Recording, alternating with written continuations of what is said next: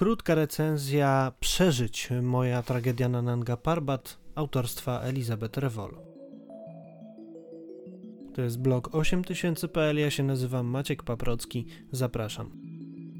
Do żadnej z górskich książek nie podchodziłem z takim sceptycyzmem jak do Przeżyć Elizabeth Revol, Bałem się, że zamiast relacji Elizabeth z wydarzeń na Nanga Parbat w 2018 roku otrzymam chaotyczny efekt terapii, którą przechodziła francuska po powrocie z Pakistanu.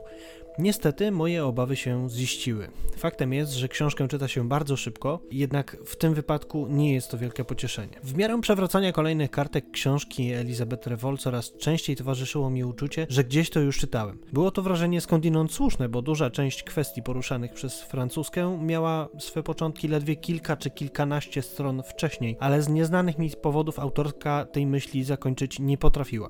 W porządku, ktoś pewnie francuski wydawca, padł na pomysł, żeby książka nie była tylko prostym, chronologicznym zapisem wydarzeń z zimy 2018 roku, ale żeby dodatkowo niosła ze sobą bagaż przemyśleń himalaistki.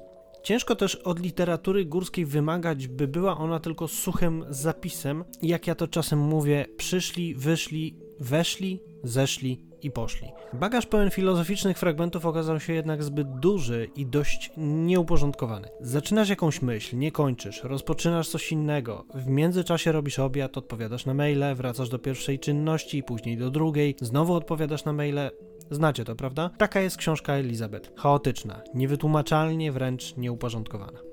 Moje górskie historie zaskakiwały czasem właśnie zwyczajnością, tym, że nie wychodzę w nich na superwoman. Daleko mi do krążących od początku himalaizmu opowieści o obdarzonych nadludzkimi mocami poszukiwaczach przygód, pisze Elizabeth. Problem jednak polega na tym, że historia francuski przedstawiona w tej książce taka właśnie jest, pełna opisów działań bliższych superbohaterom niż wyczerpanym po zdobyciu ośmiotysięcznego szczytu himalaistom. Być może Revol chciała przez skromność lekko ująć swoich zasług w walce o życie Tomka, ale efekt jest zgoła inny. Opis schodzenia ze szczytu i ratowania Mackiewicza jawi się momentami jak walka bohaterki komiksów Marvela z siłami zła. Szybko zrozumiałam różnicę między tym, kim jestem, a tym, czego media oczekują od himalaistki. Sensacji, dramatów, bicia rekordów, nadludzkich sił psychicznych i fizycznych. Nie ma dla mnie miejsca w tym show, wolę moją rzeczywistość. Tak pisze Elizabeth w swojej książce. Niewiele jest jednak tej e, rzeczywistości w tym, co napisała jest za to trochę dramatów i nadludzkich sił psychicznych i fizycznych, które himalajska stara się czasami niepotrzebnie banalizować. Jeśli chodzi o fragmenty poświęcone nie relacji z akcji na Nandze, a tak zwanej sferze filozoficznej, Elizabeth zadaje skądinąd słuszne pytania.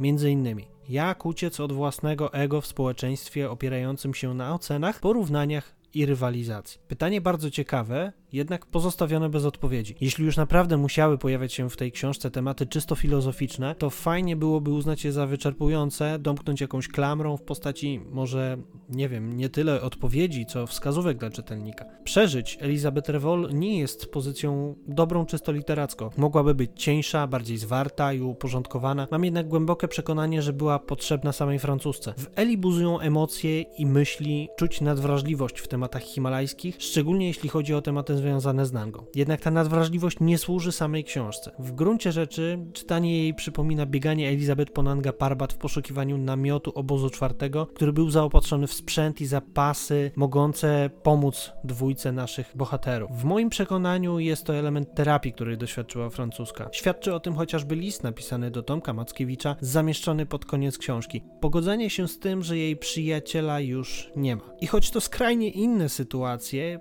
Podobnie jak Elizabeth odczuwa pustkę po stracie Tomka, tak czytelnik może odczuwać pewnego rodzaju pustkę po przeczytaniu tej książki.